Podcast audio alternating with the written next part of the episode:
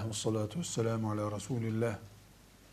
Resulullah sallallahu aleyhi ve sellem Efendimizin Kur'an-ı Kerim'le alakalı sözlerinden bize ders olacak şeyler çıkarmaya çalışıyoruz.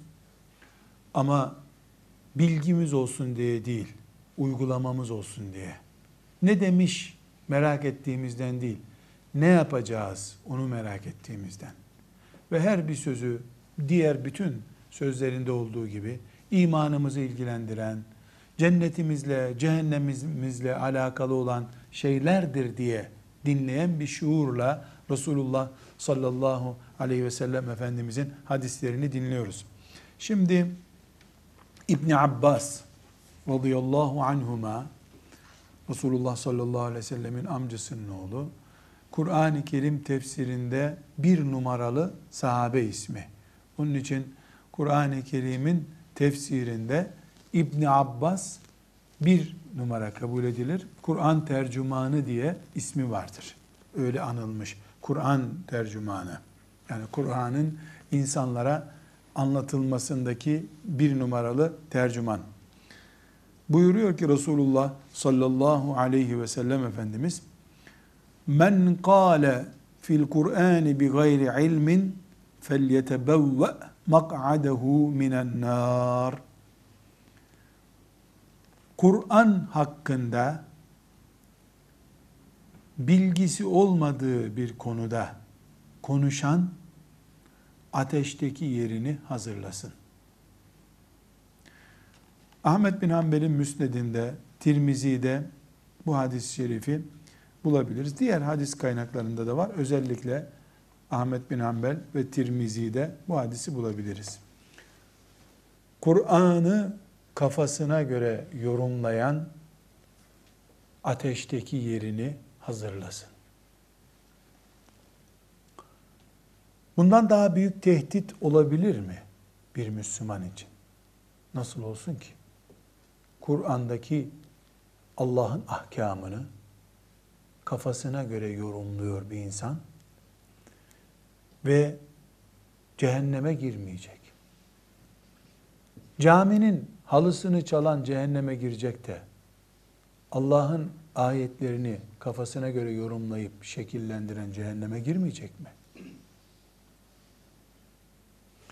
Peki Allah'ın ayetlerini insanın zevkine göre yorumlaması ne demek? Bir kere Kur'an nasıl yorumlanır? Bunu bilince kafasına göre nasıl yorumlanmış olur onu da anlarız. Kur'an Allah'ın kitabı.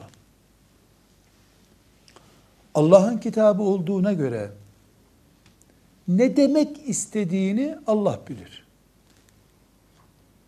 Kul çıkıp asırlar sonra Allah böyle demek istedi diyemez. Nereden biliyorsun Allah'ın ne demek istediğini? Her yerde insan bana göre bu böyledir der ama Allah'ın kitabı hakkında bana göre diyemezsin. Sen kulsun. O Allah'tır. Kul durması gerektiği yeri bilir. Ona kul denir zaten. Fren sistemi olmayana kul denmez. Bir çizgi var. O çizginin ötesine gidemez kul. Bu nedenle Allah Kur'an'ın da ne demek istedi bunu kendisi bilir. Bu ne demek istedi kendisi bilir sözünden yola çıkarak kime bir şey bildirdiyse o da bilir demektir. Kime bildirdi? Peygamberine bildirdi. Sallallahu aleyhi ve sellem. O zaman Kur'an'ı açarız. Orada Allah Teala ne buyurduysa Rabbimizin hükmü budur deriz. Bunda bir sıkıntı yok.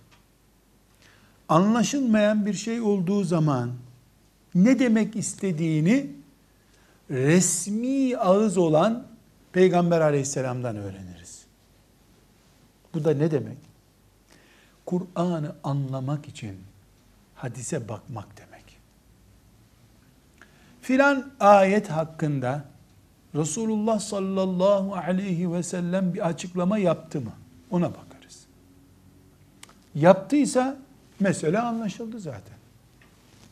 Başka hiç soracak bir şeyimiz yok. Demek ki Kur'an anlaşılıyorsa anladık. Anlaşılmıyorsa Resulullah'a sorduk. Sallallahu aleyhi ve sellem. Neden?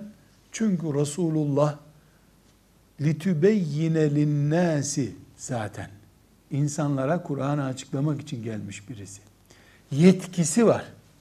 Bu yetkiyi de diploma ile değil vahiy ile almış. Kur'an'ı açıklamada kime soracağız dedik? Resulullah'a soracağız sallallahu aleyhi ve sellem. Yani ashab-ı kirama soracağız. Onlar Resulullah şöyle dedi diyecekler. Tamam. Diyelim ki anlayacağımız şey hakkında Resulullah sallallahu aleyhi ve sellemin hadisi yok. O zaman onun gölgesinde dizinin dibinde oturma şerefiyle şereflenmiş en değerli talebeleri olan ashab-ı kirama bakacağız. Ne diyorsunuz? Eğer İbn Abbas, İbn Mes'ud, Enes İbn Malik derlerse ki bu ayet şu demektir. O zaman biz de inanacağız ki bu ayet şu demektir. Peki sahabe peygamber mi? Hayır. Sahabeye vahiy geldi mi? Hayır. Peki neden sahabenin sözünü de muteber kabul ediyoruz? Şundan dolayı. Bir kere onlar o ayetlerin indiği atmosferin insanları. Gerekçeleri biliyorlar. O ayet hakkında olmasa bile onlarca yüzlerce ayeti Peygamber aleyhisselamın nasıl yorumladığını biliyorlar. Yani olayları biliyorlar. Peygamber Efendimiz sallallahu aleyhi ve sellemin yorumlama usulünü biliyorlar. Yöntemini biliyorlar. Onlar kalkıp mesela Peygamber sallallahu aleyhi ve sellem sağ olsaydı bu ayet hakkında şöyle derdi dedikleri zaman 20 sene, 18 sene, 15 sene Peygamber aleyhisselamla oturmuş kalkmış yolculuk yapmış biri olarak bunu söylemekte hakları var. Ne diyeceğini tahmin ediyorlardır. Bir insan 20 yaşındayken babasının 50 yaşında 60 yaşında babasının ne diyeceğini bir konuda bilmez mi? Bilir, tahmin eder. Büyük oranda onu tahmin eder. Çünkü ben babamı tanıyorum. Onlar babalarından, annelerinden daha çok Peygamber aleyhisselamı tanıyorlardı. Dolayısıyla sahabeden birisi bu ayet şu demektir dediği zaman hadis değilse bile o biz bunu kabul edeceğiz. Neden? E, sahabe anlamayacak da kim anlayacak Kur'an'ı? 10 sene olmamış Kur'an'ın o ayeti ineli. Sahabe henüz o ayetin indiği sıcaklığın içinde yaşıyor. O anlamazsa 1400 sene sonra gelmiş biz nasıl anlayacağız ki Kur'an'ı? Dolayısıyla Kur'an'ı anlamak için Resulullah'a sorarız aleyhissalatü vesselam, ashab-ı kirama sorarız. Bu iki kaynaktan bilgi bulamazsak tabiine sorarız. Kim tabi'in? Hasan Basri, Fudayl bin İyad gibi büyük isimler. Onlar da çünkü İbn Abbas'ın talebeleri. Onlar da İbn Mes'ud'un talebeleri. Onlara sorarız. İbn Ömer'in talebeleri. Tabiinin sözüne ne zaman müracaat ediyoruz? Sahabiden bir şey bulamazsak. Sahabiden bulduğumuz zaman mesele yok. Eğer İbni Ömer bir şey söylediyse, İbni Abbas bir şey söylediyse Hasan Basri'ye bir daha soru sormayız. Neden? Asıl musluğu bulduk biz. Kovayla niye su taşıyalım ki? Ama İbni Abbas'tan, sahabeden bir şey bulamadığımız zaman Hasan Basri'ye gideriz. Çünkü o ashab-ı kiramdan sonraki en yetkili ağız. Hasan Basri'de de bulamadıysak Ebu Hanife'ye gideriz. Rahmetullahi aleyh. Neden? Çünkü Ebu Hanife Hasan Basri'nin talebesi. Yani o neslin talebesi. O bizim 14 tabaka sonra gördüğümüz şeyi ikinci nesilden görmüş. Bize 14 kere aktarma yapılmış haliyle gelen şey ona iki kere aktarılarak gelmiş. Ve ümmeti Muhammed'in güvenilir insanı. Ticaret yaptığı için, kitaplarını satmak için iştihat yapmış değil. Şöhrete kurban gitmiş bilgisi yok. Televizyonlara çıkmak için konuşmamış. Bilakis görünmemek için çalışmış. Malik'e sorarız. İmam Malik'e ne diyorsun bu ayet hakkında deriz. O bu böyledir derse tamam deriz. Zaten o da bakacak peygamber ne diyor? Bir şey bulamayacak aleyhisselam. Bakacak sahabe ne diyor? Bir şey bulamayacak. Bakacak İbn Ömer ne diyor? Bir şey bulamayacak. İbn Ömer'in talebesinin talebesi zaten o. Dolayısıyla İmam Malik bir şey dediği zaman biz biliyoruz ki şöhret için bunu demiyor. Talebeleri diyor ki 40'a yakın soru sorardık. Bir, iki, üçünde cevap verir, gerisinde bilmiyorum derdi.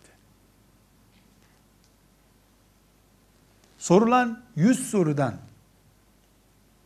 yaklaşık 80'ine bilmiyorum diyen bir adam şöhret delisi değildir. Para delisi değildir. Tahmin ediyorum hiçbir zaman dememiş zaten. Biliyorsa İbn Ömer'in talebesinden öğrendiğini söylemiş. Rahmetullahi aleyh. Dolayısıyla Kur'an hakkında bir şey söyleyeceğimiz zaman Resulullah'a soracağız. Hadislerine sallallahu aleyhi ve sellem. Sahabesine soracağız. Tabiine soracağız. Müştehit imamlara soracağız.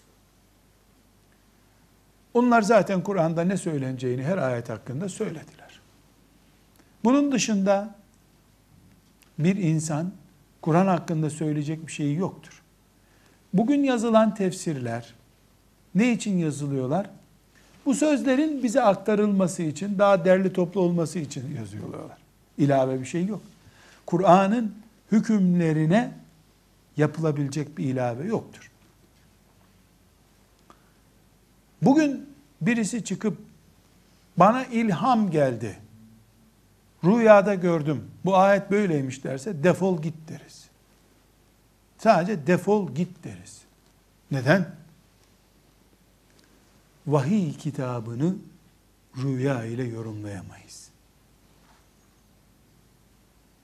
O rüya Resulullah'a geldi sallallahu aleyhi ve sellem. Vahiy oldu. Ömer bile rüya görseydi kendisini bağlardı. İçine doğmuş. Nerene doğarsa doğsun. Öyle rüya ile, içine doğmakla, ilhamla Kur'an yorumlanmaz. Ateşten yerini hazırla.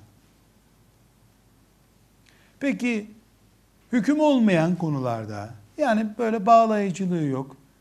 İçime hisler geliyor. Hiçbir sakıncası yok. İçine hisler geliyorsa onlarla kalk yat. Bir zararı yok. Ama hüküm konusunda kimsenin rüyası veya ilhamatı, tuluatı hiçbir şey işe yaramaz. Hiçbir işe. Hangisi işe yarar? Resulullah'ın hadisi sallallahu aleyhi ve sellem. İbni Ömer'in sözü, Hasan Basri'nin sözü, İmam Malik'in iştihadı, İmam Şafii'nin iştihadı, Ebu Yusuf'un iştihadı, gerisi yok gerisi. Gerisinde deniz yok çünkü. Bu şekilde iman ediyoruz. Bu ölçüleri aşıp Allah'ın kitabını zevkine, partisine, derneğine, ırkına göre yorumlayan ateşteki yerini hazırlamalıdır. O ateş maazallah cehennem ateşidir. Ve sallallahu ve sellem ala seyyidina Muhammedin ve ala alihi ve sahbihi ecma'in velhamdülillahi rabbil alemin.